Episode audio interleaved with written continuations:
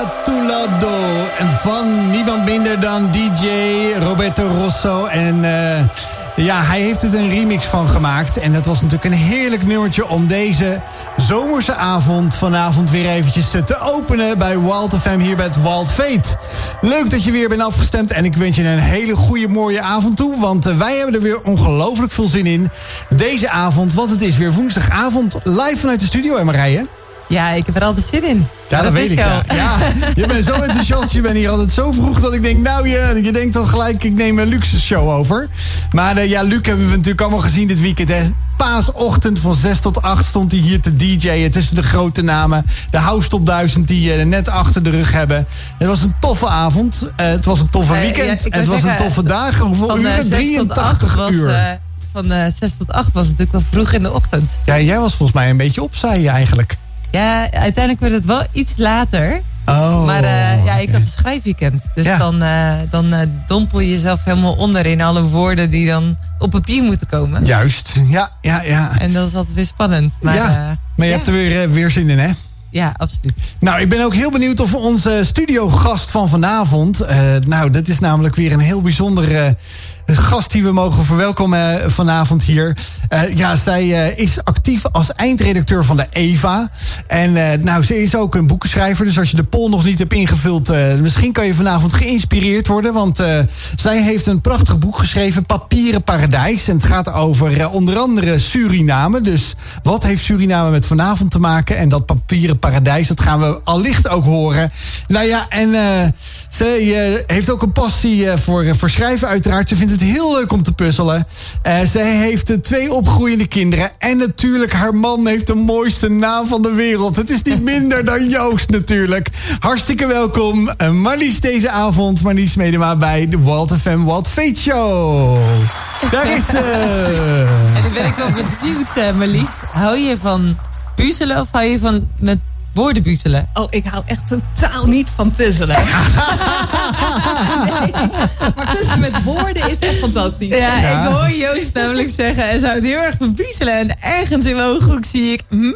Ja, en ik zat dus, uh, ik dus puzzel in mijn ooghoek als uh, quote woorden. En uh, toen dacht ik, hé, hey, ja, opeens zie ik ook nog de woorden. En woorden moet je ook puzzelen, toch Marlies? Ja, ja, zeker. En een roman schrijven is ook puzzelen. Dus ja, het komt zeker wel terug. Oké, nou leuk dat je erbij bent vanavond hier. We zijn heel benieuwd naar jouw stories en jouw verhalen die je met ons gaat delen.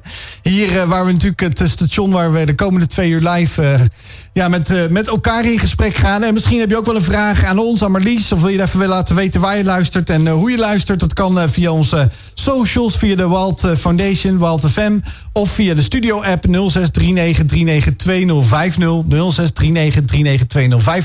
Ja, en geloof me, als dat ergens tussen 8 en 10 vanavond is... ik reageer echt op je terug. En dan kun je tegenwoordig ook meekijken. Want via de socials kan je nu ook... Uh, dat kon je toch al wel, maar uh, ja, kun je ons uh, weer mee beleven. Dus hoef je niet alleen te luisteren, maar kan je ook kijken als je dat wil. Ja, je wil natuurlijk wel weten hoe Joost er vandaag uitziet. Ja, ik heb vandaag een heel eenvoudig shirtje aan. De volgende keer doen we weer wat anders. Maar ja, jullie zijn... Ik ben altijd underdressed hier, Marlies. Dan moet je eens weten, want... Marije die komt hier altijd alsof ze echt... Een, ze, ze, heeft ook, ze maakt er een feestje van, maar ze komt hier echt alsof ze jarig is bijna. Ja, echt? Ja. dat is ook nog waar. Ja, dat klopt, ja. ja, dat is, uh... Nee, ik uh, hoop vrijdag uh, 36 kijk, jaar Kijk, daar gaan we hoor even oh, zingen met z'n Lang zal ze leven, lang zal ze leven, lang zal ze leven in de gloria. Nou, dan kan ik me echt oprecht zeggen dat je de eerste bent die dit jaar voor me zingt, Joost. gloria, pampara. Heb je ook nog een cadeautje voor me? Ja, je weet toch, zo ben ik. En ik heb een heel origineel cadeau. Ik zou bijna zeggen dat het is van onze baas. En uh, we hebben dezelfde baas op uh, woensdagavond. Ja, dat klopt wel, ja. Nou ja, het is, ik heb het wel mag uitgezocht. Het, uh, ja, uitpakken? ja, je moet uitpakken natuurlijk. Oh, uitpakken, nou, uitpakken, uitpakken, cadeautjes. Echt, ja, kijk, ik ben wel de eer. Misschien ben ik een beetje te enthousiast, maar je weet toch, ik ben ook van de cadeautjes. Ja, juist van de cadeautjes. Dan uh, ligt er opeens een reep met chocola hier op de balie. Oh, Zoiets. In de studio. En dan denk ik opeens, hè? En dan zegt hij, ja, ik heb voor je meegebracht. Ah, fantastisch. Kijk, we hebben het eh, regelmatig hier natuurlijk over, Marije. Als we hier onze gast hebben. Die zeggen regelmatig schrijfdingen op, uh, onthoudingen. En ik weet dat jij dat ook bent. En dat je geïnspireerd bent vaak als je ergens naartoe gaat. En er staan leuke quotes in. Een ja, soort van, uh, superleuk. Mooi, mooi om ja, dingen op te schrijven in je nieuwe levensjaar. Nou, hier staat wat leuks. Stipjes, streepjes, krulletjes of een teken. Of teken een leuke doodle bij, bij de tekst. Kijk. Nou ja, dat is een hele leuke. Voor als ik een schrijversblok heb de komende dagen, dan ga ik even lekker doedelen. En uh, een mooie vormpjes tekenen. Dankjewel Joost. Ja, alsjeblieft. Maar ja, dat, is, dat, is, maar dat moet nog komen. Dus dat ga je volgende week op uh, Koningsdag, als we hier natuurlijk ook zijn, uh, delen met ons. dat mooie moment van, van, deze, van de volgende week. Maar ja, we hebben altijd even het geluksmomentje. Wat is jouw geluksmomentje van deze week? Mijn geluksmomentje van deze week was een fietstocht. Bij ons in de regio heb je memorial van een jongen die, uh, die tijdens het fietsen overleden is aan een, ja, een hartprobleem. Dat bleek dus later toen hij uh, door het middel van een hartstilstand om het leven gekomen is. En elk jaar hebben we weer die fietstocht. En die heb ik dus mogen fietsen. 120 kilometer door de uh, Waard heen. Nou, als je nog nooit geweest bent, ze zeggen pak je fiets, wat voor fiets dan ook. En zoek die buurt op, want het is echt prachtig daar. Zo. Dat is een goede tip. Mijns Herenland, vijf Herenlanden, hè? Vijf Herenlanden, ja, dus de Alblasse Waard. Oké. Okay. Uh, ten nou oosten 120 van... kilometer? 120 kilometer. Oh. Dat zei ze inderdaad. Ja. ja, ik moest ook eerst... Ik zei toen eerst... Ik zei eventjes toen we uh, vanavond even aan het eten waren van uh, Thai van Sky. Toen zei ik tegen haar tijdens dat eten... Toen zeg ik... Ja, op de motorfiets zeker. nee, nee, nee, nee, zegt ze. Nee, ik heb echt gefietst. Oh. Het was op de racefiets. En uh, ja, het was echt prachtig. En ja, ik ben een triathlonner. Dus uh, zwemmen, fietsen, hardlopen. Maakt me niet uit hoe ver. Ik ga gewoon. Oh, wat goed. En je had, het weer zat ook heel erg mee natuurlijk. Ja, het was echt fantastisch. En uh, jij Marlies, heb jij iets waarvan je zegt van daar ben ik echt dankbaar voor?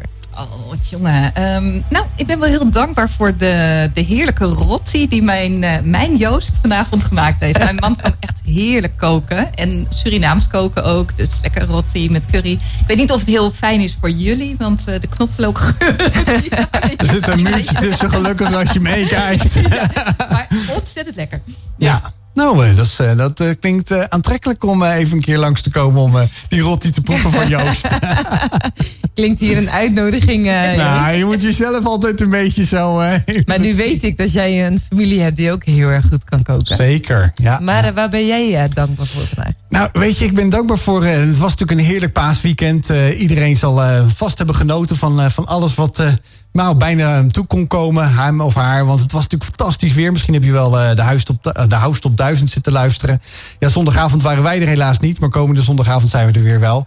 Maar um, ja, ik mocht een dagje mee met mijn vrouw. Uh, die ging met een andere vriendin naar Snake toe. Om daar een trial te doen van een vriendin die een creatieve zolder begonnen is. En eigenlijk ze zit in de beginfase als ondernemer. En uh, ze mochten de zolder van haar man, die heeft meerdere garagebedrijven. En uh, daar was een prachtige zolder. En ze zegt, nou die claim ik voor mezelf. Kijk. Dus die uh, heeft die zolder geclaimd om daar heel creatief, want ze is heel creatief te zijn. En ik mocht mee die dag om foto's te maken. Want dat is een van mijn uitgehand gelopen hobby's. wat ik dan ook doe. En dus ik heb foto's gemaakt. En in één keer, halverwege die ochtend of aan het begin van de ochtend, zei ze van ja, we gaan ook nog heerlijk even eten. Want ik heb ook nog een high tea voorbereid die ik ook ook in dit hele assortiment mee gaan nemen. Nou, toen dacht ik, uh, ik heb eigenlijk, ik, weet je, het lijkt zo of de high tea, dan is, lijkt het als een soort van vrouwending. Dus ik ja. denk, uh, nou ja jongens, uh, chocola lust ik wel. Ja, ja. Nee, nee, nee, maar nee. Ik heb heerlijk van die high tea genoten. En er bleek dat, een, ik, misschien zeg ik het verkeerd hoor, maar een million dollar cake of zo.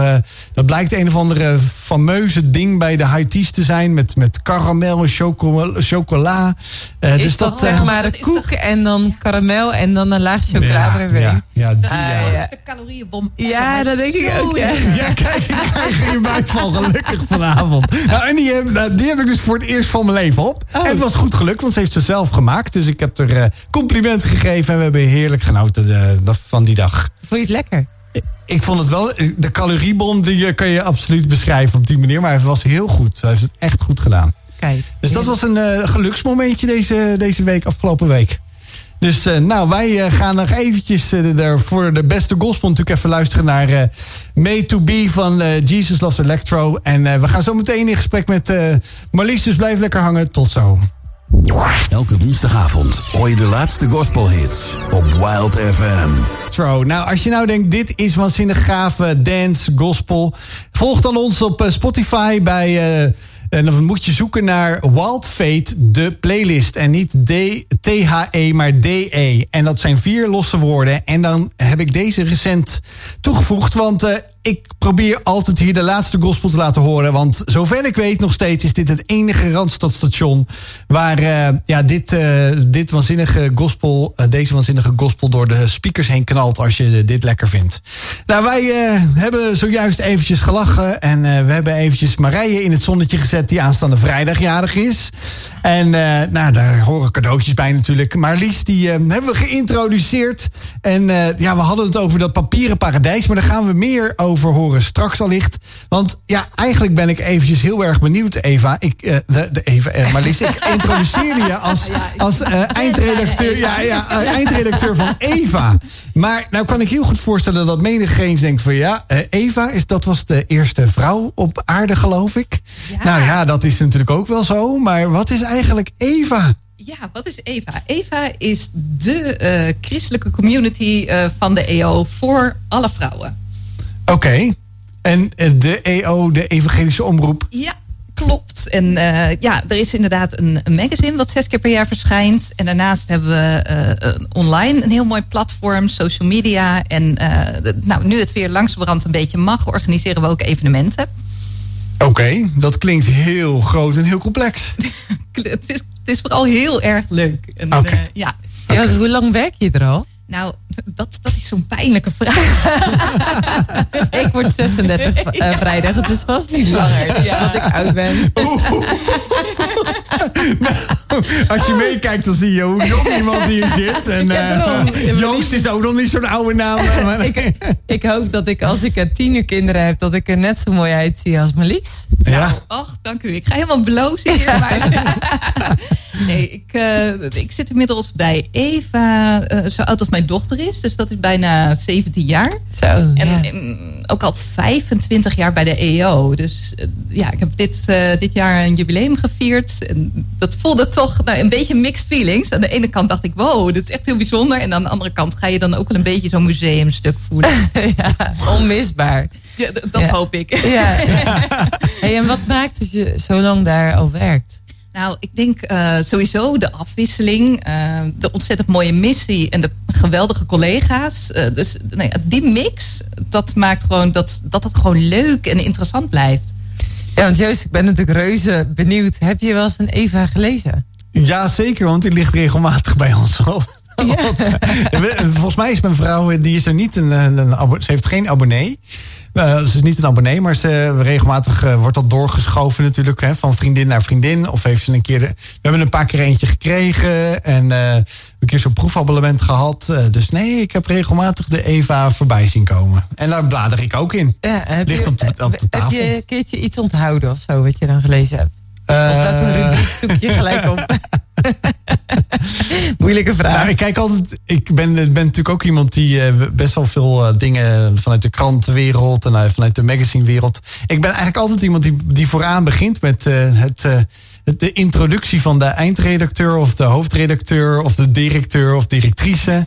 Ja, daar wordt altijd een verhaaltje verteld van, nou, wat, ja, wat is eigenlijk de essentie van deze aflevering eigenlijk, van deze uitgave. Dat is natuurlijk wel leuk voor Marlies. Wat dat betekent dat als je een Eva leest, je altijd een stukje van haar hand leest. Nee, ik oh. het niet. Nee, oh. nee. De, de, hoofdredacteur is Giette en die schrijft oh, ja. de editorial. Ja. Ah, oké, ja.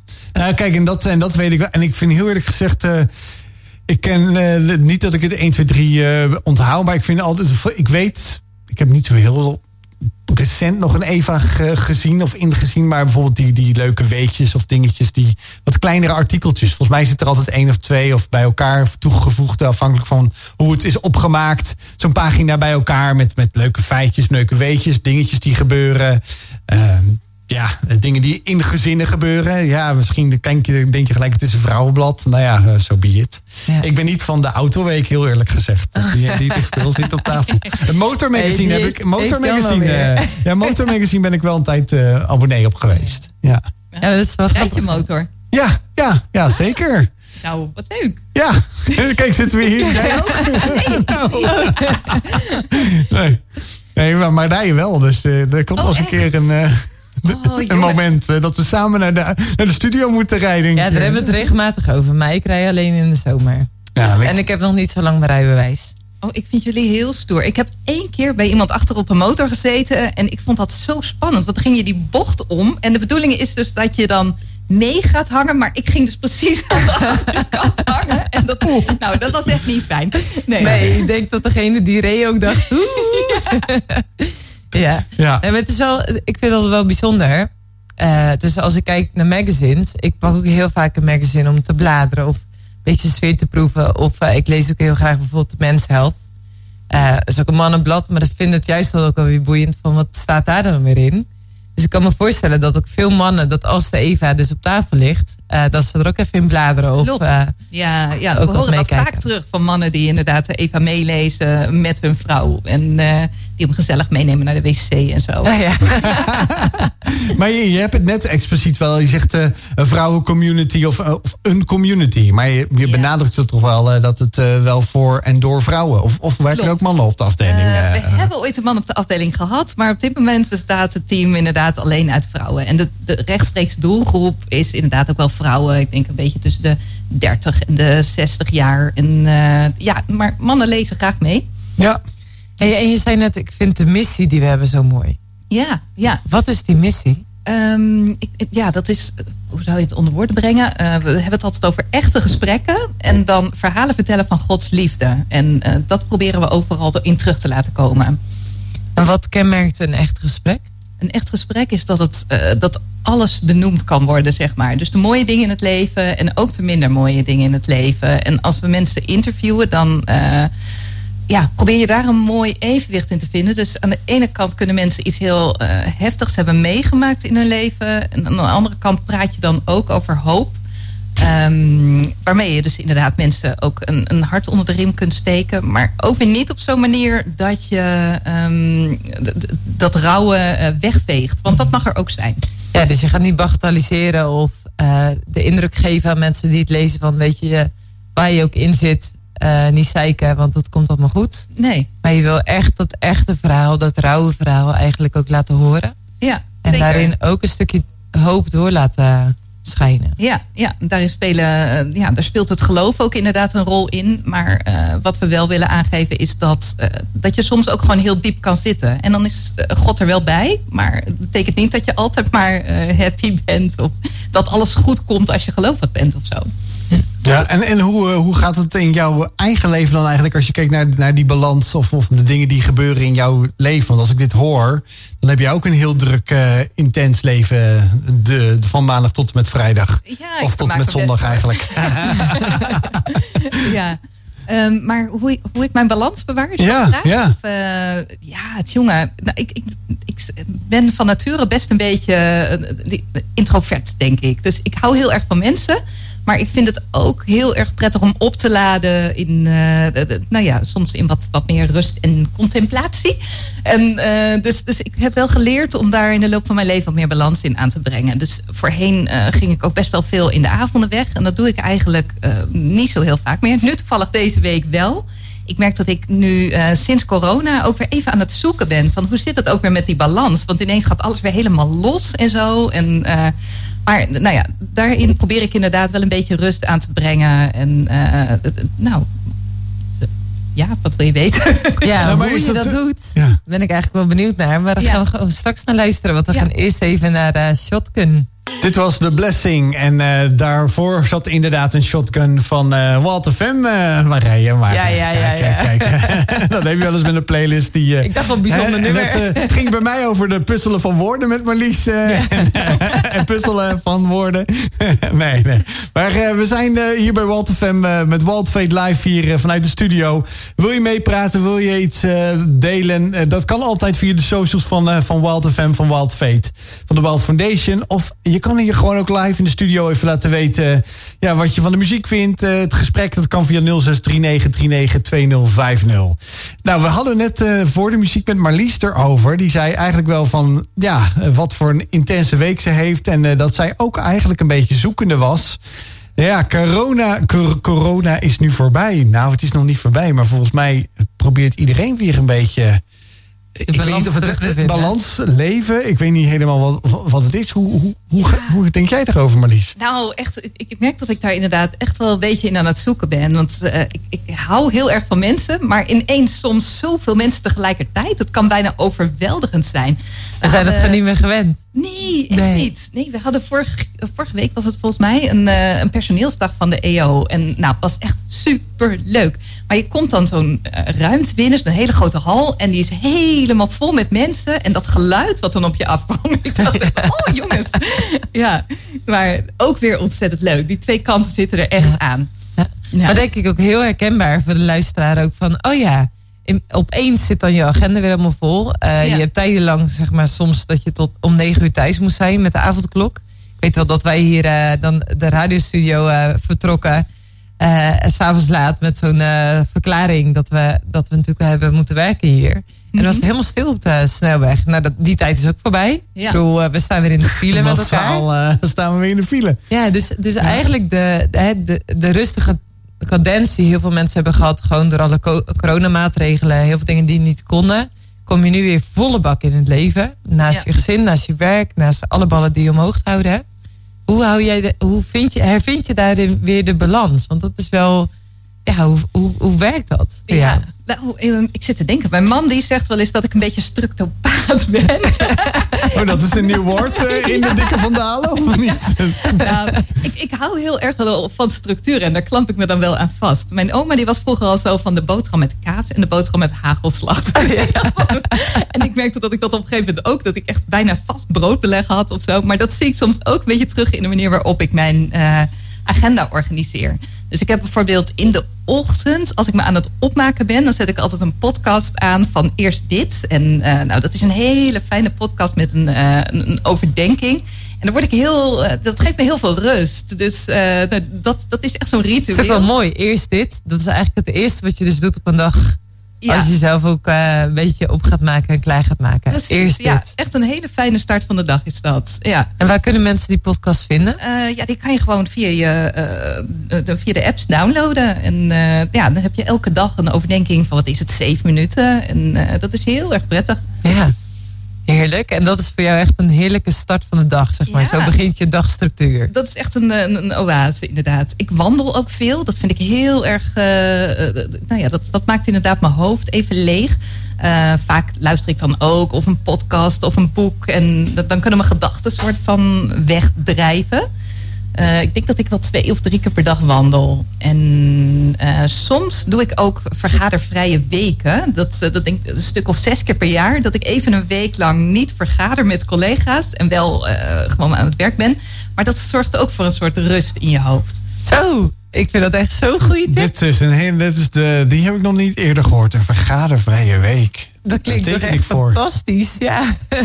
Maar, maar hoe, hoe organiseer je? Je hebt net de structopaat dat je zegt, of bijna. Maar, maar hoe regel je nou een vergadervrije week? Zeg jij dan, uh, ik ben er wel, maar je mag mij niet uh, vragen. Ja, die is inderdaad gewoon geblokt. En er zijn langzamerhand uh, meer collega's die dat doen. Sommigen hebben gewoon vakantie en anderen pakken soms een vergadervrije ja. week. Oh ja. maar pak je dan allemaal dezelfde week? Want als iedereen een andere week heeft. ja, nee, het is wel vaak dat ik, ja, dat ik een beetje kijk van... oké, dit is een, een, een, handige week om dat te doen. Oh ja. ja. Maar ik heb net, ik had nog een vraag. Je, je loopt dan even die, die drie, twee, drie keer per dag uh, doe je een rondje en dan drijven je gedachten weg. Ja. En is dat ook de bedoeling dat ze wegdrijven? Of vind je dat juist prettig om weer die nou ja, nieuwe gedachten die, die weer opnieuw naar je toe moeten komen, uh, dan je hoofd vullen? Want ja. Of juist dat je je hoofd leeg maakt? Ja, die twee gaan eigenlijk heel erg samen. Hè? Je gedachten drijven weg en sommige andere belangrijke gedachten die drijven dan weer terug. Ik, ik heb ook wel, ik heb een, een app uh, voor mezelf. Die app die heet Ik. en, en, ik stuur mezelf dan soms ook even een berichtje van, oh dat moet ik niet vergeten. Dat kunnen oh, ja. dingetjes zijn die... Uh, die, die, ik interessant vind voor mijn boek. Dat ik denk van, oh hey, dit, uh, dit moet ik even onthouden. Of iets belangrijks waarvan ik denk, oh, dit, uh, ja, het is belangrijk dat ik dit even noteer. Dat doe je gewoon in WhatsApp? Via WhatsApp stuur oh, ja. zelf dan een appje. Ja. ja. ja. Dat is echt handig. Ik, ik ben dus gelukkig niet de enige die dat dan doet. Want nee. dat is wel een tip die, uh, die al veel mensen hoort zeggen. Gewoon jezelf een uh, berichtje sturen. Ja. Want dat komt dan toch elke keer in die lijst naar boven. ja. ja. toch? Ja. Ja, ja ik, uh, ik noteer, maar dat komt meer omdat ik heel veel dingen niet onthoud. Dus ik schrijf altijd heel, ik stuur mezelf ook altijd heel veel mailtjes. Oh ja. Uh, ik schrijf echt heel erg veel op, zeg maar. Dat ik echt denk, oh ja, dat moet ik niet vergeten. Maar mijn mailtjes ben je het kwijt, want dan zit het in de brei. Dus mm -hmm. dit is mhm. eigenlijk een hele goede tip om gewoon naar jezelf een appje te sturen. En heb je, soms ook niet met mailtjes dat je die per ongeluk naar de verkeerde persoon stuurt? Want dat heb ik ook wel eens. Dat ik echt een heel stomme, wazige zin naar mezelf dacht te sturen. En die kwam dan bij iemand anders uit. Iedereen met de M, dus alle collega's en alle familieleden met de M. Die krijgen een keer een mailtje van Marlies. Nee, er is wel een andere Marij van den Berg. En zij doet ook iets in publiek uh, ding, net zoals dat ik dat doe. En ik krijg heel vaak spreekaanvragen voor haar. En dan mail ik terug, ik wil wel komen hoor. ja, gewoon nieuwe opdrachten. Maar zij is wat meer politiek georiënteerd. Ah, dus uh, net, net een beetje anders. Dat is wel grappig, over mailtjes gesproken, ja. Ja, ja, ja nee, dat, het is wel grappig hoe je dan bezig bent om toch je hoofd leeg te krijgen op wat voor manier dan ook. Hè? Ja. En ik moet heel erg zeggen, door corona uh, doordat het afgelopen is, waar we net al over hadden, van ja, die nieuwe structuur vinden. Dat, dat, dat ook wel gevoel dat er een tsunami op me afkomt van dingen die, waar je ook, nou, los van het sociale, ook opeens weer ja, aan wordt toegevoegd. Of de nieuwe dingen die weer komen. Uh, de dingen die echt weer op stoom komen, letterlijk en figuurlijk. Dat je echt denkt van, wow, oké, okay, uh, kan ik weer terug bijna. Aan, mm -hmm. aan de ene kant heeft corona ons wel dingen gebracht die we daarvoor misschien niet meer ontdekten. De rust bijvoorbeeld. Ja, en de vraag is, hoe hou je dat dan vast? Of ben je dat inmiddels alweer verloren? Ja, dat vraag ik mij dus ook wel weer af. Ja, ik ben helemaal blij, want bij mij, ik heb eindelijk weer werk. Dus ik had wel werk, maar heel weinig betaald werk. Ja. En nu uh, trekt het allemaal weer aan. Is er iets wat jij hebt losgelaten na corona? Heb ik iets losgelaten na corona? Nou, ik merkte in ieder geval dat ik het echt heerlijk vond om s'avonds om negen uur thuis te zijn. Ik ben lang ziek geweest en in mijn herstelperiode was dat een van mijn uh, uh, regels. Of in ieder geval dat ik wist, als ik om negen uur thuis kom, dan kan ik daarna nog even uh, wat rommelen. Vind ik echt heerlijk en dan ga ik daarna naar bed. Ja. Ehm, maar dat heb ik niet echt vastgehouden. Maar dingen die ik echt gestopt ben. Nee, voor mij was de tijd na corona eigenlijk... Ik was twee jaar ziek voordat corona kwam.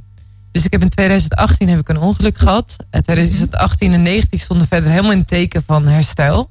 2020 begon ik net weer een beetje. En toen kwam corona en viel al mijn werk weg. Wow, dat is heftig. Dus je hebt eigenlijk vier jaar lang... Dus ik heb vier jaar lang op pauze gestaan. Dus daar waar Joost zegt, kan ik weer terug? Denk ik, ah, ik kan eindelijk weer. Zeg maar. ja. Zo, dus dat, voor mij voelt het, zeg maar. Dus voor mij was de coronaperiode ook niet heftig. Omdat voor mij de twee jaren daarvoor nog veel heftiger waren. Ja, dus dus voor mij, ik, zat, ik voelde me soms nog een beetje een ongetemd paard wat wilde gaan, maar wat niet kon gaan, omdat ik ja, gewoon uh, door corona dus beperkt werd, maar al twee jaar in de wachtstand stond. Dus ik heb eigenlijk vier jaar een soort van pauze gehad in mijn leven. En, en, wordt dat ook bij jou uh, voor je werk? Je zei net al van we kunnen weer EVA-evenementen organiseren, zou ik maar zeggen. We kunnen weer de hort op. Ja. Uh, hoe beleef je dat dan? Hoe, hoe beleven jullie dat dan weer als team samen, waar jij ook deel van bent? Dat je in één keer kan zeggen: we gaan ergens heen, gaan we het wel doen? Gaan we het niet doen? Is, is dit wel de timing? Is dit het moment? Ja, er, wordt nog heel voorzichtig uh, nagedacht van hoe gaan we dat organiseren. Maar inderdaad, de, de, de, enkele collega's zijn daar al wel wat uh, dieper over aan het nadenken. Maar de meeste dingen die wij organiseren zijn echt nog wel online. We hebben nu bijvoorbeeld een hele mooie campagne tussen Paas en Pinksteren. Die is net begonnen afgelopen zondag. En dan kun je aanmelden voor een nieuwsbrief. En dan krijg je voor elke dag een ritueel of, of even een momentje om stil te staan. En uh, helemaal gratis. Dus nou, even een reclameblok. Oh ja, goed zo. Goed zo. Ja, ja. Goed. Waar, waar kunnen uh, mensen dat vinden? Um, dat is via eva.eo.nl slash pasen-pinksteren. En uh, nou, daar laat je dan je uh, mailadres achter. En dan heb je voor elke dag een, een heel kort geluidsblokje waarin een verhaal wordt voorgelezen. Of een, een, recept wat je kan maken, een muziekstuk wat je kan luisteren. En, uh, oh, fantastisch. Echt ja. gewoon ook zo divers in creativiteit. Ja, ja. Zeker. En dat is dan uh, gebaseerd op de uh, 50 dagen tijd die de eerste christenen uh, vroeger al beleefden. Dat waren woestijnvaders, dat waren en, woestijnmoeders. Die trokken de woestijn in om daar tot rust te komen. En nou ja, alles in die 50 dagen campagne is een beetje gebaseerd op de wijsheid van deze mensen. Dus dat is echt heel, heel tof. Nou, ik wil een glimpje horen van die wijsheid, maar Zullen we eens even luisteren naar muziek? Hè? Ja, we zijn weer terug hier met Wild Fate uh, op Wild FM. Je hebt ze luister, kunnen luisteren naar Love Runs Deep. En we zijn in gesprek met, uh, met Marlies over... ja, ik, ik ben best wel eventjes over de, de, de return of de, de, jouw return in de maatschappij zou ik bijna zeggen. Corona is voorbij. Wat levert dat allemaal op? Uh, ja, en uh, Marlies die zei net eventjes uh, tijdens de muziek... eventjes een heel interessant dingetje wat mij triggerde. De renners en de planners, zei je het eventjes zo? Want die kunnen ja. dan naar die link ja, van de Eva... om eventjes in 50 dagen tussen Pasen en Pinksteren... even tot rust te komen. En wat was die link ook alweer, ja, Marlies? Dan kan je die nog een keer noemen. Zeker, dat is eva.eo.nl slash Pasen-Pinksteren.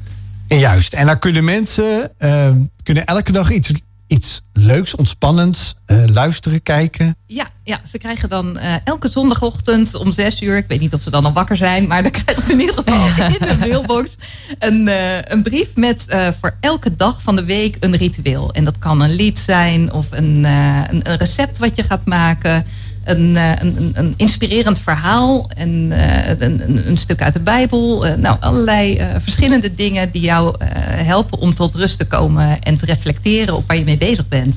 En dat gaat echt over echt iets voor die renners en die planners. Ja, zeker. Deze teksten en, en, en alle rituelen zijn uh, speciaal bedoeld voor de mensen die inderdaad behoefte hebben om iets meer tot stilstand te komen en na te denken van oké, okay, waar, waar sta ik nu? Wat wil ik nu eigenlijk in mijn leven?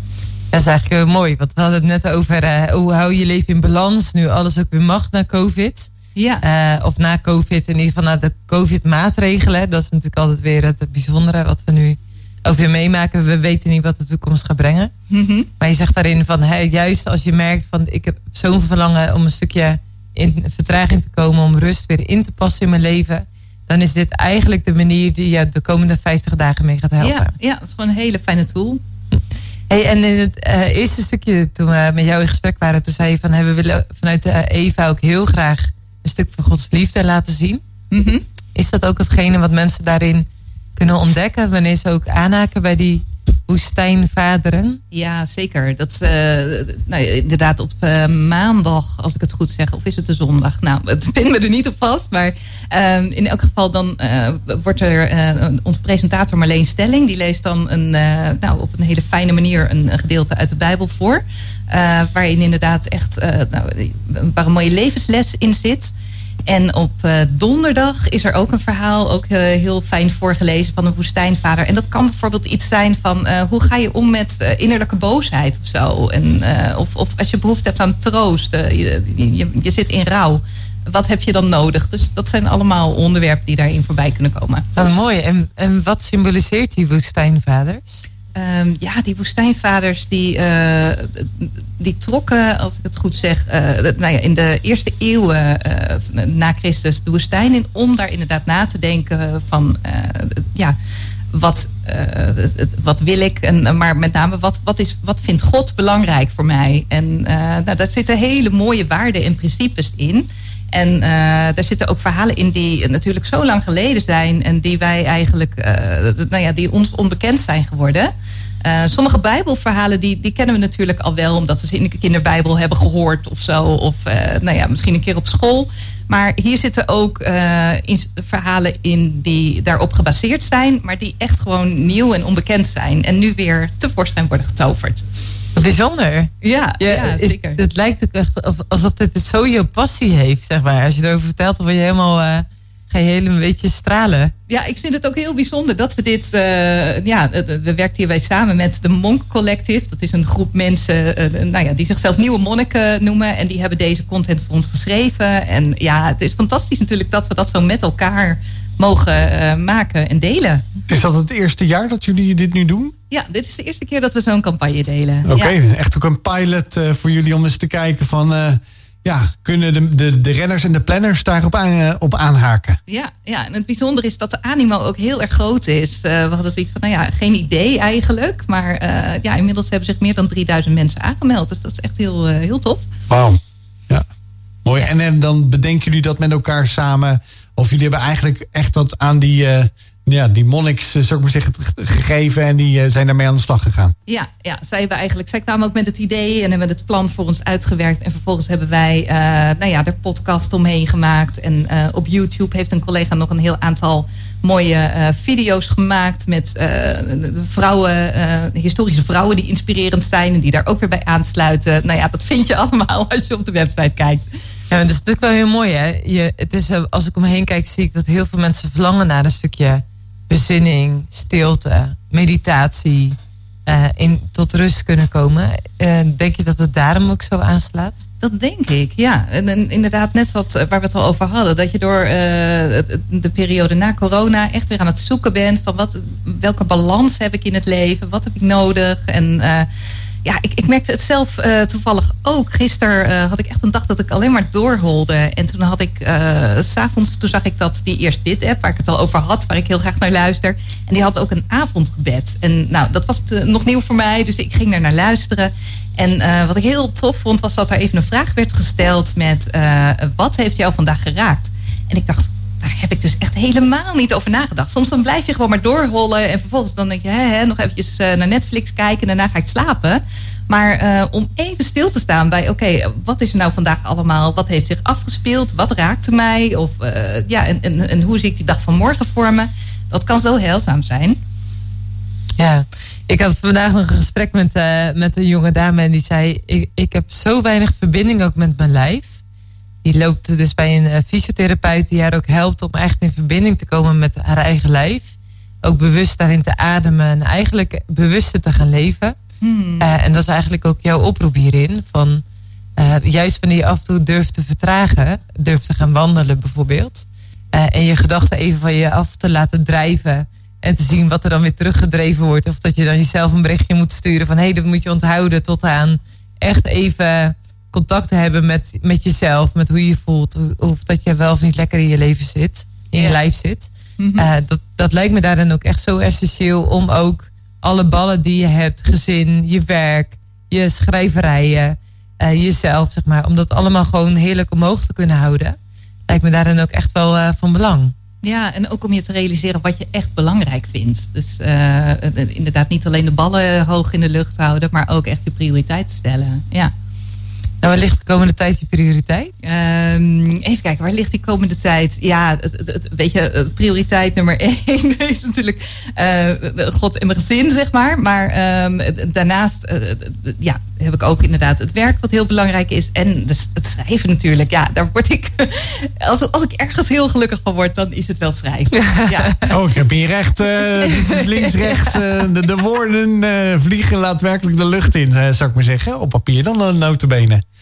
Ja, dus uh, we kunnen straks haast gaan dicteren en vragen Joost weet voor ons uitwerken. Ja, maar hij heeft dat al eens een keer gevraagd. Wanneer komt mijn eerste boek? Of, uh, nou ja, dat zit niet helemaal... Je hebt echt mensen, dat, dat fascineert mijzelf wel een beetje... Dat, dat je hebt daar echt gewoon een, een groep mensen die daar zo enthousiast van wordt. Die zegt, ik, ik, er zit zoveel in. En ik moet ook heel erg zeggen dat ik respect heb voor mensen zoals... Uh, ja, uh, zoals jij ook een boek hebt geschreven, maar Rij heeft er ook al meerdere geschreven.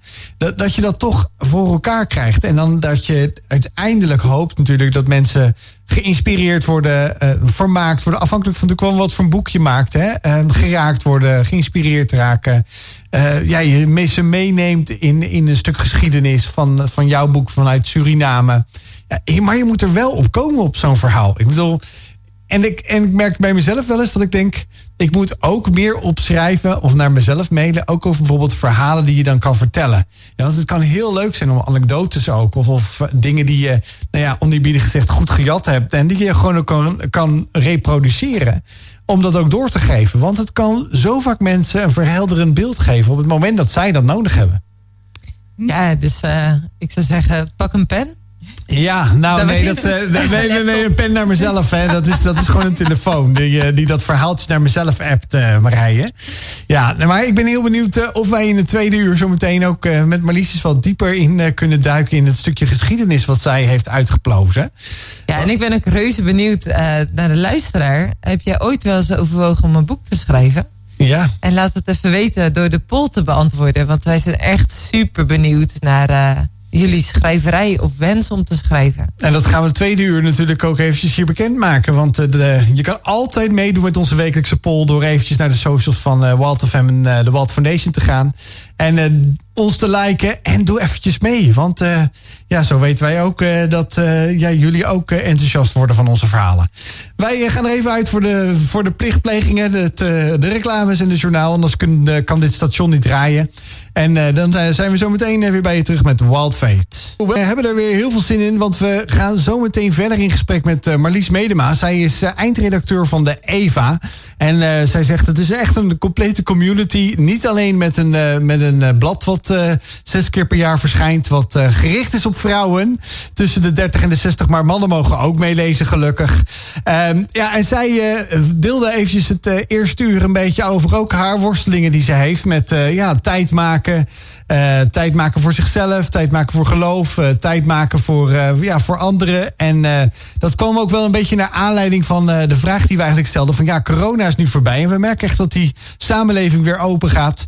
Maar dit komende uur, de tweede uur van Wild Fate, gaan wij met haar ook in gesprek verder over één van een van haar boeken. Want ze is met een tweede bezig, als ik het goed begrijp. Uh, zij heeft één boek geschreven. En uh, dat is uh, namelijk het, een boek oh, dat gaat over een vrouw. Die is een vrouw van een dominee. En ze gaan naar naar Suriname. En dat heet Papieren Paradijs. Nou, ik ben echt heel benieuwd wat ze daarover gaat vertellen.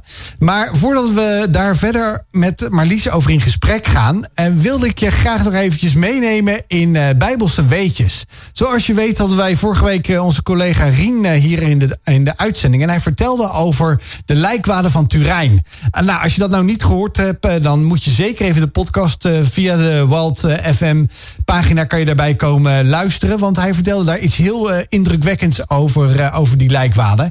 Maar uh, hij heeft ook toegezegd dat hij elke week ons meeneemt eh, als Wild Fate luisteraar met leuke bijbelse weetjes. Nou, en die bijbel, daar begint hij vandaag over. Van wat is nou eigenlijk precies de bijbel? Wat moet je daar nou mee? Wat is dat precies? wat houdt dat nou in? Nou, en daar gaat hij ons vanavond eerst eens even in meenemen. En elke week gaat hij ons in een leuke, wetenswaardige en historische feitjes meenemen. Die geschreven staan in de Bijbel. Wat betekent het woord Bijbel eigenlijk? Nou, bij het woord Bijbel denk je waarschijnlijk meteen aan zo'n oud, dik boek. De Bijbel is inderdaad best heel oud. Maar wist je dat de Bijbel niet één boek is, maar een verzameling is van maar liefst 66 boeken? En die 66 boeken zijn dan weer opgedeeld in twee delen. En dan heb ik het over het Oude en het Nieuwe Testament. Grofweg gaat het Oude Testament over het begin van de wereld en de ontstaansgeschiedenis van het Joodse volk. Het Nieuwe Testament gaat over het leven van Jezus en het begin van de kerk. De Bijbel is dus niet één boek, maar een verzameling van 66 verschillende kleine boeken. En dat is ook letterlijk wat het woord Bijbel betekent. Het woord Bijbel stamt namelijk af van biblios, wat boeken betekent. Ten slotte, wist je dat de Bijbel het meest verkochte en meest gelezen boek ter wereld is? En je hoorde net uh, dat de Bijbel, waar Rien over sprak, uh, het meest gelezen uh, boek ter wereld is. Dus we hebben nogal. jullie hebben nog wat te doen, dames.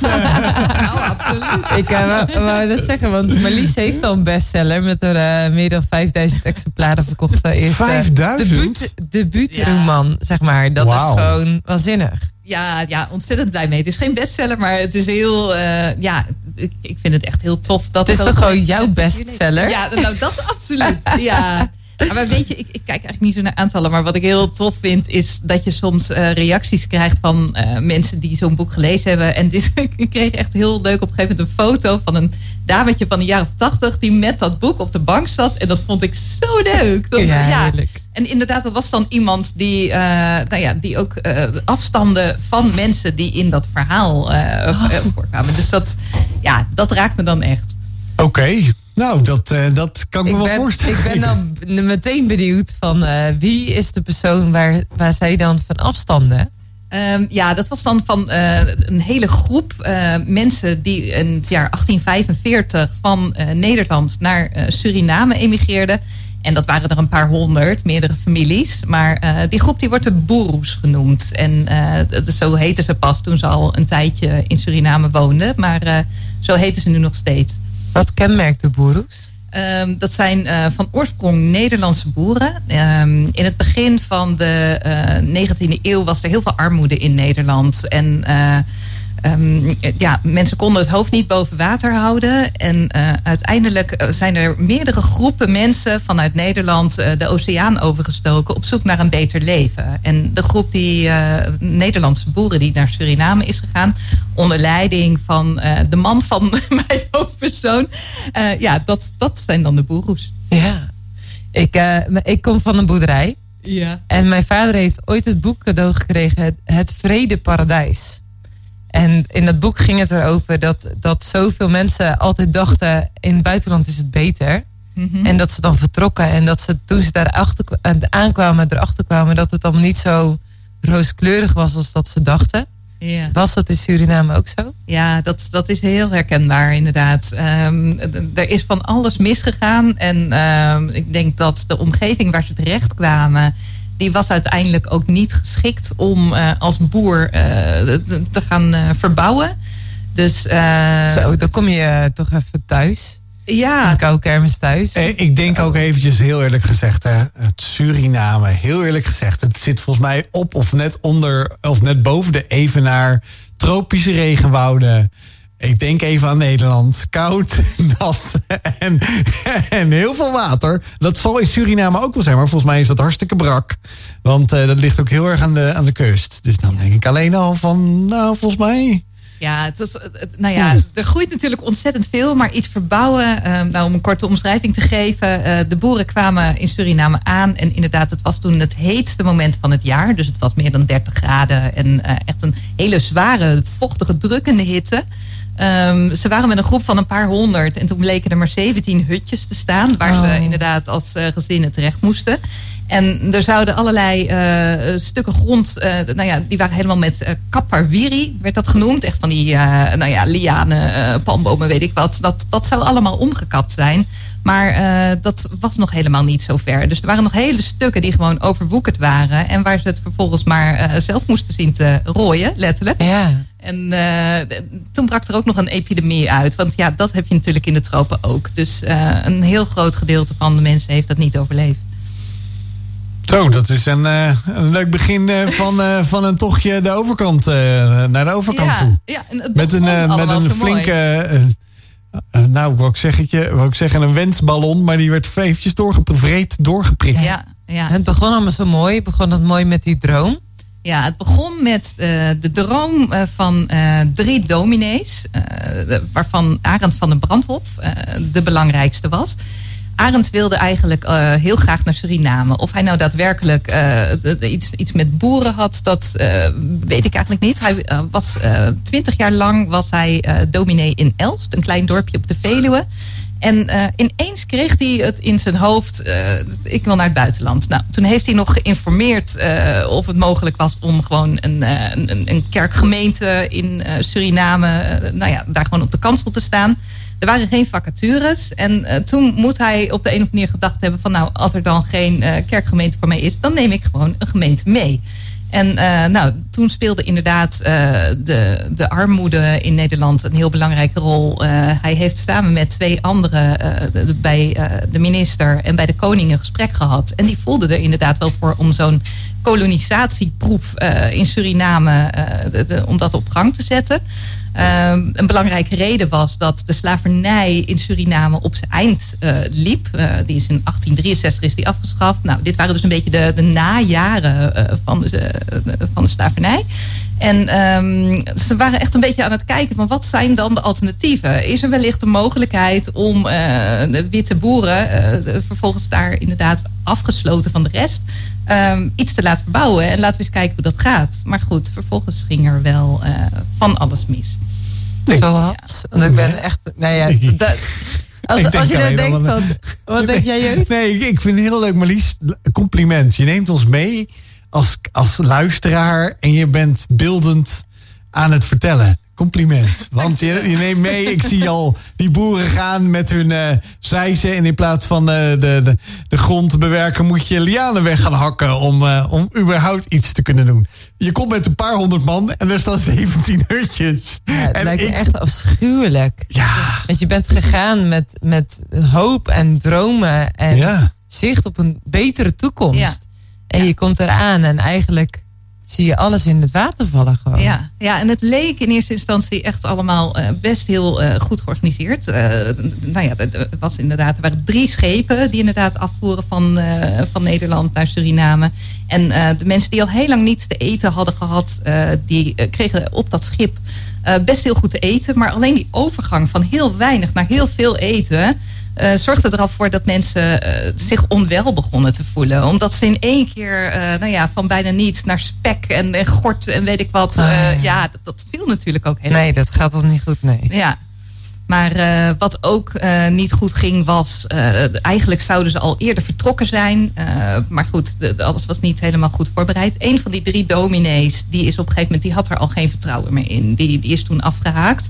Eh Arend van den Brandhof, die bleef er maar in geloven van dit, dit moet allemaal goed komen. En toen zijn ze inderdaad op een gegeven moment vertrokken. En ja, nou ja, de reis ging goed. Dat, dat had ook best spannend kunnen zijn. Eh, het is natuurlijk zes weken op zo'n boot. En er kan eh, nou ja, een storm en dergelijke. Kan, en inderdaad, er kan ook ziekte uitbreken. Dat ging uiteindelijk helemaal eh, in de grote lijnen prima. Maar toen ze eenmaal aankwamen, toen brak inderdaad de ziekte uit. En ja, in enkele weken tijd stierf de, de een na de ander. De helft van de mensen heeft het niet overleefd. En wat is, wat is de hoop in het boek? Eh, de hoop in het boek. Ja, dat, dan moet je het boek natuurlijk eigenlijk lezen. Ik ben, eh, om, om even wat eh, helderheid te geven over het verhaal.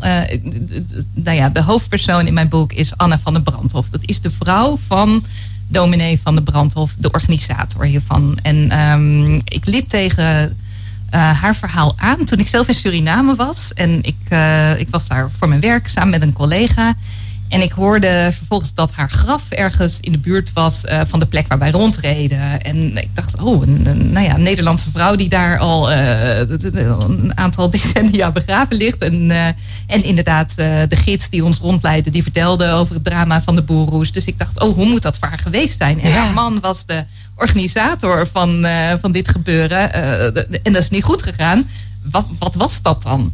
Nou, toen bleek er eigenlijk best wel heel veel informatie over eh, te vinden te zijn. Eh Arend van den Brandhof hield er heel erg veel eh, van om alles te documenteren. En eh, bij de Universiteit in Leiden lag anderhalve meter archief met allemaal brieven van hem. En, eh, Fantastisch. Ja, ja. Jouw journalistische hart ging helemaal... eh, Totaal, Ja. ja. ja, En hele zakelijke dingen, dus van paklijsten eh, en, en inderdaad eh, alle voorbereidende documenten, brieven die hij uitwisselde met een baron van, eh, baron van Sloet tot Oldhuis. Maar ook gewoon muziekschriftjes van de kinderen en een recept van, van Anna zelf. En zo heet de hoofdpersoon. En eh, nou ja, langzamerhand begon zich al een beetje een beeld eh, te creëren. Maar ik was vooral benieuwd, eh, wat voor man is die Arend geweest? En hij staat namelijk niet zo, zo lekker in de boekjes.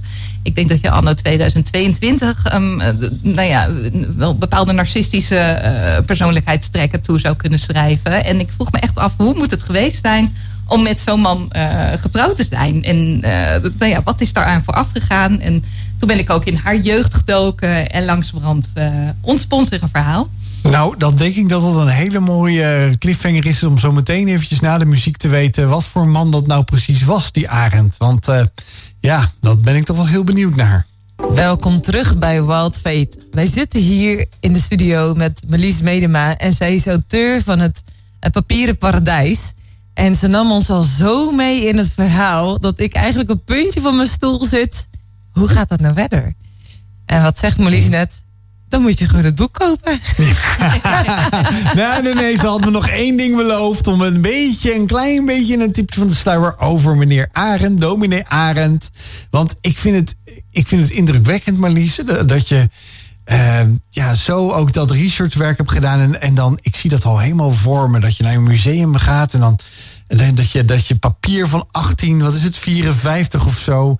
Uh, ja. ik, nou, misschien achter een glasplaat of zo, maar dat je, dat je dat mag vasthouden, mag bekijken, mag lezen. Ja, nou dat, dat is enerzijds is dat inderdaad fantastisch. En anderzijds zit je dan dus in een koude archiefzaal met zo'n En volgens mij stinkt het heel erg beneden. Ja, nee, maar je doet wel ontdekkingen. Ja, ik vond het sowieso heel tof. Ik deed dat samen met mijn man ook voor een heel groot deel. En, echt? Uh, vond hij het ook leuk? Ja, dat was echt gewoon huwelijksversterkend hoor. Ik kan wow. ieder stel aanraden om samen de archief induiken. Nee, ik, ik denk dat ik heel veel moet niezen. Ik denk niet dat het werkt.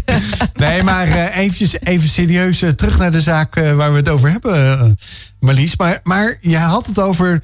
Die man die was anno 2022, zei je, had, zou die narcistische trekjes hebben. Maar het is toch iemand die volhardend is geweest. Die dacht van, ik, ik jaag mijn droom na.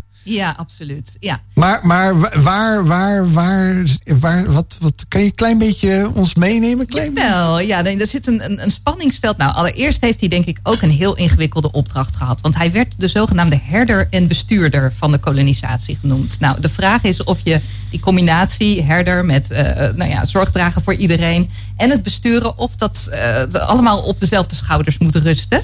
Maar um, nou ja, het was in ieder geval zo dat, dat niet alles hem even soepel afging. En dat hij daarin ook keuzes heeft gemaakt die echt niet, uh, niet goed waren. Dus hij heeft een heel belangrijk gedeelte van het geld bijvoorbeeld ook uitgegeven aan drank voor zichzelf en zijn vertrouwelingen. Nou, dat, uh, dat oh, ja. kun je een heleboel van vinden.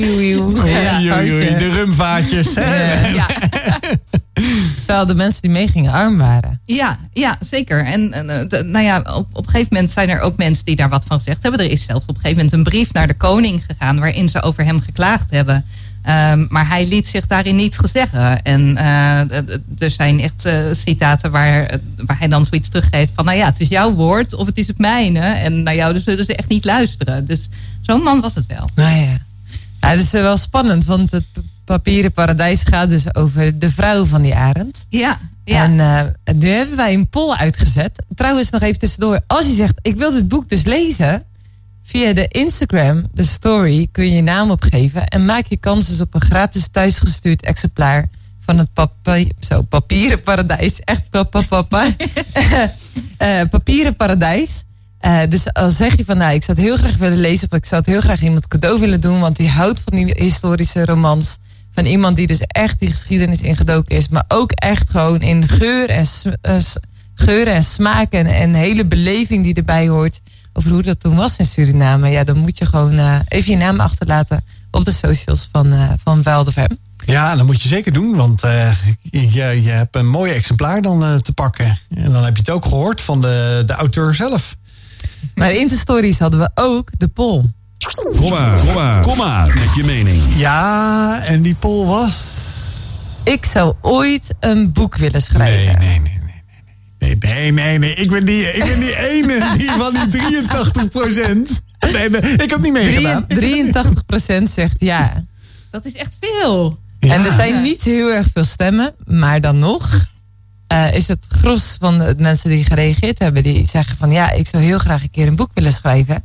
En nu zit hier natuurlijk een auteur aan tafel. Je bent inmiddels bezig met je tweede boek. Klopt. Ja. Wat heb jij geleerd in de tijd dat je boek hebt geschreven? Oh, ik heb zo ontzettend veel geleerd. Um, ik heb sowieso een hele fijne redacteur die me echt heel veel uh, uh, nou ja, heeft geleerd over schrijftechnieken. Uh, ook bij het schrijven van een roman. Um, maar wat ook gewoon een heel belangrijke les is voor mij is geweest, is dat schrijven ook heel veel discipline vraagt. En dat het gewoon, nou ja, het, het, is echt fantastisch. Het leukste wat je, wat je kan doen, wat mij betreft. Maar het is ook voor een belangrijk deel gewoon op je bips blijven zitten en typen. En, nee, ik hoor hier een soort van echo klinken in deze studio, Marije. Ja, mijn deadline van het boek. Ik ben ook auteur. En uh, ik ben bezig met mijn vierde boek. Vijfde boek. Ik weet het niet meer. Vijfde boek. vijfde boek. Eh, eh, het is lang geleden dat ik mijn vorige boek afgerond heb. En mijn volgende week zijn mijn deadlines. Dus, eh, dus voor mij is het nu inderdaad ook zitten en blijven zitten. Gewoon gaan. Oh, pittig. Ja, Ja, ja. prioriteit maken. En niet te veel weglopen. Dat je echt denkt, oh ik weet het niet meer. Maar gewoon gaan zitten. En erop vertrouwen dat het al in je leeft.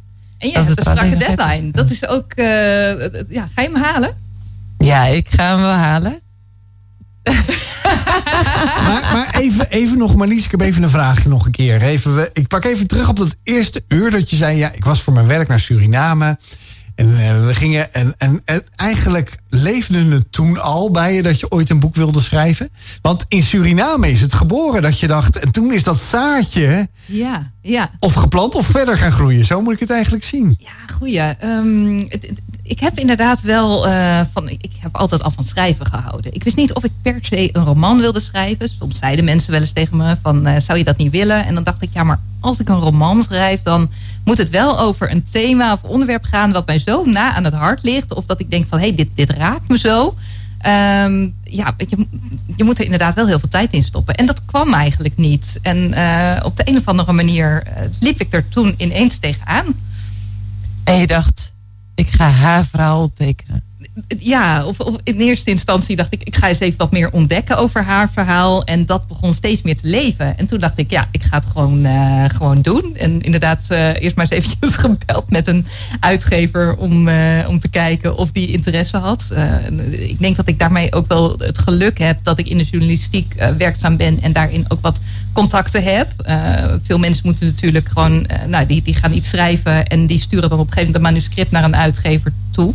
Ehm, ik heb inderdaad eh, koffie gedronken met, eh, met iemand. En die zei, nou ga inderdaad maar gewoon een beginnetje maken. Nou, en daar heb ik ook ontzettend veel in moeten leren hoor. Want Ja, want hoe maak je een begin? ja, ehm, ik had echt wel een aantal handvatten nodig. Want journalistiek schrijven is echt wel een andere manier van schrijven dan eh romanschrijven. Bij romanschrijven ben je veel beeldender bezig. Dat- nou ja, echt dat storytelling, wat je overigens in journalistiek tegenwoordig ook wel steeds meer ziet hoor. Maar veel zintuigelijker. En eh, het allerbelangrijkste is dat er natuurlijk gewoon een verhaallijn in zit. ehm, en, en dat de hoofdpersoon daarin de drijvende kracht moet zijn. Dus eh, alles met cliffhangers en erop en eraan. Dat, eh, ja.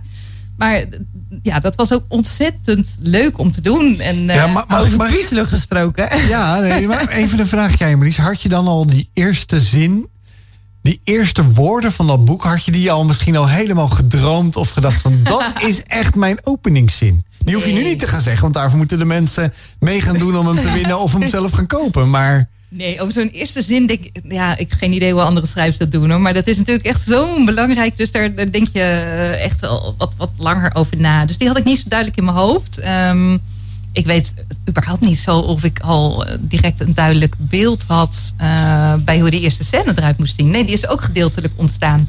Mijn ehm, redacteur gaf me op een gegeven moment de tip... dat het heel belangrijk is om de hoofdpersoon een heel aantal eh, acties te laten uitvoeren. Dus wat, wat is nou echt typerend voor deze hoofdpersoon? Nou, mijn hoofdpersoon hield bijvoorbeeld heel erg van koken en bakken. Maar dat moet ook weer niet te saai en te braaf worden. Ehm, dus ze moest ook een aantal de, belangrijke dingen doen die heel erg gewaagd waren. Dus nou, daar zoek je allemaal werkwoorden bij. En eh, die kan je dan vervolgens ook weer in scènes verwerken. En dat was een van de tips die mij hielp om langzamerhand een beeld te schetsen van eh, wie zij was. En, en hoe structureer je dan al die verschillende verhalen? Ehm, ja, dan heb je daarnaast natuurlijk ook weer de tijdlijn. Ehm, ik had een document met, eh, nou ja, zij is geboren in 1799 en ze stierf eh, in eh, 1845. En daarin vinden allerlei belangrijke gebeurtenissen plaats. Van de geboorte tot de kinderen, eh, van de kinderen. Maar ja, dat zijn er acht geweest. Die wil Wow. niet acht, acht bevallingen in het, eh, in het boek zetten. ja. keer acht, keer acht. Ja, dat was gaat zo'n snel, uitdaging. Dus ik geloof dat ik ergens een scène heb eh, neergezet met, nou ja, waarin ik in één ruk een hele, heel aantal kinderen voorbij heb laten komen. En eh, een, aantal andere belangrijke dingen. Nou, trouwdag bijvoorbeeld. eh, maar ook, eh, een- nou ja, het- moment dat de oorlog met België uitbrak of zo. Dat, had ook een rol gespeeld kunnen hebben. Heeft uiteindelijk niet zo'n grote rol gehad. Maar goed, al dat soort dingen. Dat hou je dan ook weer naast de persoon die zij is. En ehm, nou ja, dan ontstaat er al wat meer. Hey, en dat beeldende, hè? even, ik, ik stel me nou zo voor, je gaat over Suriname schrijven als Hollander. Ja. Hoe, hoe weet je dan hoe dat toen rook en proefde en geurde en eruit zag? Ja, ja, ik ben er dan twee keer geweest. Eén keer um, om, uh, nou ja, omdat ik er toen toevallig was en tegen het verhaal aanliep. En de tweede keer dacht ik van, oh, nu moet ik echt even heel bewust uh, in, in de huid van Anna gaan kruipen. En inderdaad, als het ware als, als haar daar aankomen. En wat heeft zij uh, gezien, geproefd, ervaren. En je zit dan natuurlijk wel in dit jaar, nou 2020 was het dat ik was geweest. Um, anders was het een stuk moderner, maar...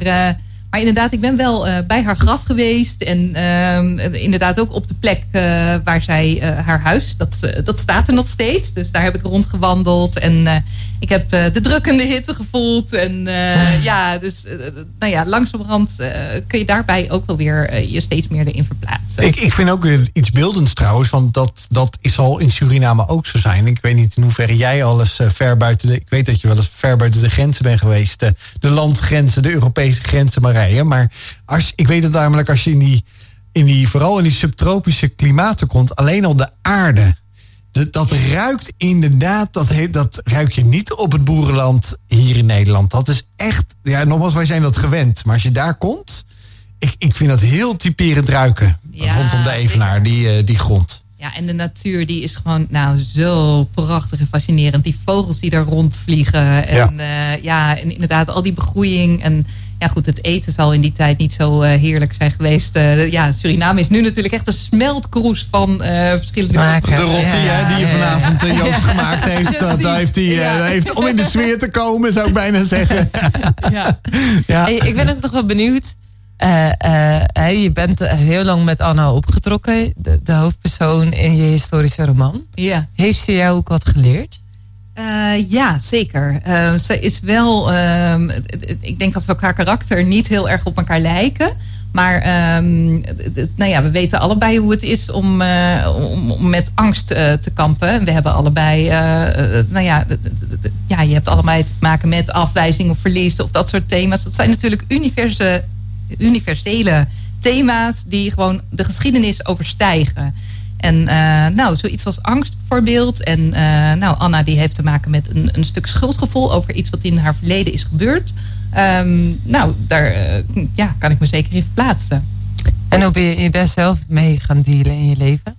Um, ja, ik, ik, denk dat mijn geloof daarin een heel belangrijke rol speelt. In het boek zie je dat ook uh, gedeeltelijk wel terug. Dat, um, ja, dat, dat ze ergens heel erg uh, mee, mee worstelt. En daarin het, wordt niet makkelijker, de situatie, denk ik. Maar um, ze ervaart wel een, een, een stukje uh, vergeving en uh, Gods nabijheid. Klinkt een beetje groot, denk ik, als, zoals ik het nu zeg. Maar uh, het, ja, het geloof heeft haar wel een stuk troost gegeven. Ondanks het feit dat dat ook weer zo het dubbele was. Hè? Want ik denk, ja, een dominee notabene, die zij als man heeft... en die echt een typisch boegbeeld is voor het geloof... en die er echt een potje van maakt dat is ook weer het schurende van zo'n verhaal. Dus uh, ja, maar ik denk dat.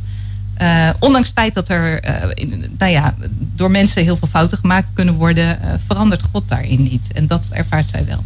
Ja, dus ergens schuurt dat, het in dat verhaal. Misschien schuurt het ergens ook weer in onze maatschappij. Mm -hmm. Dat mensen die christen zijn niet altijd perfect zijn. Nee, zeker niet. En dat het dus ook wel schuurt met uh, dat, datgene wie God is of wie God zou willen zijn of hoe God zichzelf zou willen openbaren. En dat wij als mensen die onszelf christen noemen niet altijd het perfecte voorbeeld zijn van hoe God het leven dan bedoeld heeft. Ja. Ik ben wel echt heel erg benieuwd ook naar uh, dat stukje waarvan je zegt van dat heb ik zelf ook mogen ontdekken of daar heb ik zelf ook mee gedeeld. Mm -hmm. um, maar daar gaan we straks nog even over doorkletsen. Kom terug bij Walt Fate, hier bij Walt FM. We gaan het uh, laatste ja, blokje in met, uh, met Marlies Medema. En uh, zij heeft ons helemaal meegenomen eigenlijk in ja, haar avonturen... met het schrijven van het boek Papieren Paradijs. En uh, nou, daarin hebben we wat personages uh, bekeken en nader onderzocht. En hij heeft gelukkig nog de cliffhangers uh, laten hangen. Want ja, wil je het nou graag lezen, dat historische boek... Dan, of je kent iemand, dan kan je via de socials van Walter Fem... kun je, via de Instagram kun jij dat boek winnen. En dat kun je dus toegestuurd, thuis toegestuurd krijgen via de uitgever. En ja, we hadden het eigenlijk, eigenlijk over van je eigen geloofsleven... Omdat, omdat Marlies zo met, uh, met Anna, de, de hoofdpersonage, eigenlijk meeliep. Uh, ja, dan heb je ook wel heel veel geloof nodig, bijna zou ik zeggen. Ik, ik heb het boek niet eens gelezen, maar alleen al de eerste indrukken die ik heb over wat ze allemaal mee gaat maken, dan denk ik bij mezelf van wauw, dan moet je wel uh, standvastig blijven, denk ik uh, bijna, Marlies. Ja, nou, ja, het is in ieder geval zo dat zij de situatie niet heeft kunnen veranderen, zeg maar. Dus dat, uh, ja, ik denk dat, goed, ik weet niet precies hoe zij haar geloof beleefd heeft, want daar heeft ze zelf niet nee. over geschreven. Maar uh, zoals ik het inderdaad in het boek heb geschreven, speelt dat wel een rol en geeft haar dat wel steun. Maar uh, inderdaad, te midden van een, een situatie die echt bepaald niet lekker was. Nee. Ja. Is het ook wel iets wat je bijblijft van wat je zei van wat je geleerd hebt, is dat dat wat zij meemaakte in angst en in teleurstelling of in, in moeite ook in haar leven, dat, dat, dat je zegt van hé, hey, dat herken ik ook zo in mijn eigen leven. Is dat ook zo, zeg maar, dat, dat het eigenlijk los van het verhaal, want jij vertrekt niet naar Suriname om daar eigenlijk een onwetende toekomst tegemoet te treden, maar dat je bepaalde facetten waar zij mee te dealen had in het leven, dat jij er ook mee te dealen hebt? Um, nou, ik denk dat uh, ja, mijn man heeft ooit een keer ergens gelezen. Dat vond ik wel heel mooi. Uh, hij zei: de geschiedenis rijmt. En um, dat, vind ik wel een heel mooie manier om te omschrijven. Dat uh, wat zich 200 of 400 jaar geleden heeft afgespeeld, is natuurlijk niet precies hetzelfde waar wij anno 2022 mee te dealen hebben. Maar um, veel dingen uh, zoals we ze beleven, uh, ja, we ervaren inderdaad nog steeds, net als mensen van vroeger, een gevoel van verlies of gemis of nou ja, allerlei emoties waar we ons soms geen raad mee weten. En dat je inderdaad ook wel denkt van nou god, waar bent u nu? Wat moet ik hiermee? En um, ja, dus dat, dat herken ik wel. Ik, ik vind daarin altijd het bijzondere dat de Bijbel dus zo uh, relevant is voor vandaag de dag. Mm -hmm. Omdat als je ziet waar de mensen in de Bijbel mee worstelden, de emoties die, die ze dus met zich meedroegen of de verhalen die je daarin leest. Ja, dat zijn eigenlijk de verhalen die we vandaag de dag in een modern jasje ook meemaken. Ja, ja, zeker. En, ik, ik, en, of neem de psalmen of zo. Dat vind ik ook, uh, ja, dat, dat, zijn ook wel mijn favoriete uh, Bijbelgedeeltes. Waarin het gewoon heel duidelijk benoemd wordt van nou, uh, ik zit midden in de shit, om het maar zo te zeggen. Maar ja, en, en waarin dat gewoon ook heel eerlijk naar God toe uitgesproken wordt. Heb je daar dan ook een favoriet gedeelte? Dat je zegt, dat vind ik echt het mooiste wat ik, of dat is wat ik erbij pak als ik even in de shit zit. Oeh, dat is een goede vraag. Er schiet me niet direct eentje te binnen. Maar, uh, Joost, heb jij er zo Ja, eentje? ik denk gelijk aan uh, Psalm 122. Ik heb mijn uh, ogen op naar de bergen. Waar komt mijn hulp vandaan? Ja, die is heel mooi. En, dan, en natuurlijk, iedereen kent, nou ja, iedereen. Ik bedoel, als je denkt aan de psalmen, denk je Psalm 23. Hè, de Heer is mijn herder. Mm -hmm. Mij ontbreekt niets. Hij leidt mij naar grazige weiden. Nou ja, ik bedoel, dus, dus daar zegt eigenlijk al iets. Dus als je diep in de shit zit en je denkt aan die, eigenlijk alleen maar aan die twee zinnen, dat uh, God, je, dat, dat, dat God je wil leiden naar, naar betere plekken. En dat hij dat ook absoluut voor je heeft. Dat heeft hij voor jou voor ogen. En dat is natuurlijk wel heel mooi. Ja, dus als je houdt van beeldende dingen. En zo, uh, zo'n herder die een schaap dus leidt. Een schaap wist zelf de weg niet zo goed te vinden. En de herder die wist als geen ander wat de goede weg was. Naar de grazige weide of naar de goede wateren om dus de dorst te lessen. Ja. En dat is eigenlijk een heel prachtig beeld van hoe God zichzelf openbaart. Ja, en uh, denk ook aan Psalm 3, uh, 28, waarin hij zegt dat hij uh, mijn schild is. Dus hij wil mij ook beschermen tegen die shit. Zoals Marlies dat zelf ook wel. Maar, maar Joost, hè, je zegt dan God wil een schild zijn. Maar wat als je dus inderdaad in de shit zit. En het idee hebt dat dat schild er dus niet was, omdat het wel zo volop op je heen komt. Ja, maar dat, dat kan dus af en toe, uh, af en toe regelmatig zitten we ook niet achter dat schild. Want dan willen we zelf verder of denken we van nou, we, we kunnen daar wel zonder mee. Inclusief mezelf. Dat ik denk van nou, ik heb het niet nodig. Dat schild, die, die, die schild heb ik niet nodig, dus ik kan daar voorbij gaan. En dat, dan ga je eigenlijk voorbij God van wat hij voor ogen voor je heeft. En dan ga je dus je eigen leven. En dat is eigenlijk ook wat hij zegt. Ik bedoel, ik heb de mensen gemaakt met een eigen wil. Dus ja, als jij linksom uh, om dat schild heen wil gaan, prima, ga je gang. Maar ik kan niet garanderen dat dat, uh, dat, dat vlekkeloos gaat natuurlijk. Dus eigenlijk ligt daar een uitnodiging van... al zit je in de shit, kom schuilen achter dat schild. Ja, zeker. Heb je, Marlies, dat zelf ook als ervaren in je leven... dat je voor je gevoel ook echt mocht schuilen bij God? Ja, ja, absoluut. Ehm, ik, het- het- ja, dat is wel apart. De, de momenten dat ik het diepst heb gezeten, eh, dat vond ik dan echt een heel wonderlijk ding. Want dat lag namelijk niet aan mezelf. Dat ik inderdaad eh, zo gelovig was of zoiets dergelijks. Of eh, alles zo goed op een rijtje had. Ehm, maar zonder, eh, ja, op de een of andere manier was God daar dan heel bewust. Dus ik, ik, ik weet nog dat ik op een gegeven moment een, eh, een miskraam had gekregen. eh, en echt, ja. En ik, ik had daarvoor al een mola-zwangerschap gehad. Ik weet niet of je weet wat dat is. Maar ehm, nou ja, dan gaat er iets mis bij de aanleg van het kindje. En nou, dat, het wordt uiteindelijk een soort weefsel eh, wat, wat weggehaald moet worden. Ik mocht, mocht toen ook een tijd niet zwanger eh, worden. Nou, en toen raakte ik zwanger. En vervolgens werd het een miskraam. En ik weet nog hoe ik op de wc zat. En, eh, en inderdaad zo gejankt heb. En het gekke was dat ik te midden van dat janken zo sterk voelde van ja, maar God is erbij. En ehm, ik voelde me echt gewoon heel erg naar. Maar eh, ik, ik voelde me ook gedragen. En dat eh, God was echt een soort vangnet voor mij. Dus dat scheelt wat je zo mooi beschrijft. Zo bijzonder dat je dus en zo diep verdriet, zo'n diep verlies kunt eh, ervaren, maar tegelijkertijd ook weet, ik word door God dus opgevangen. Ja, ja.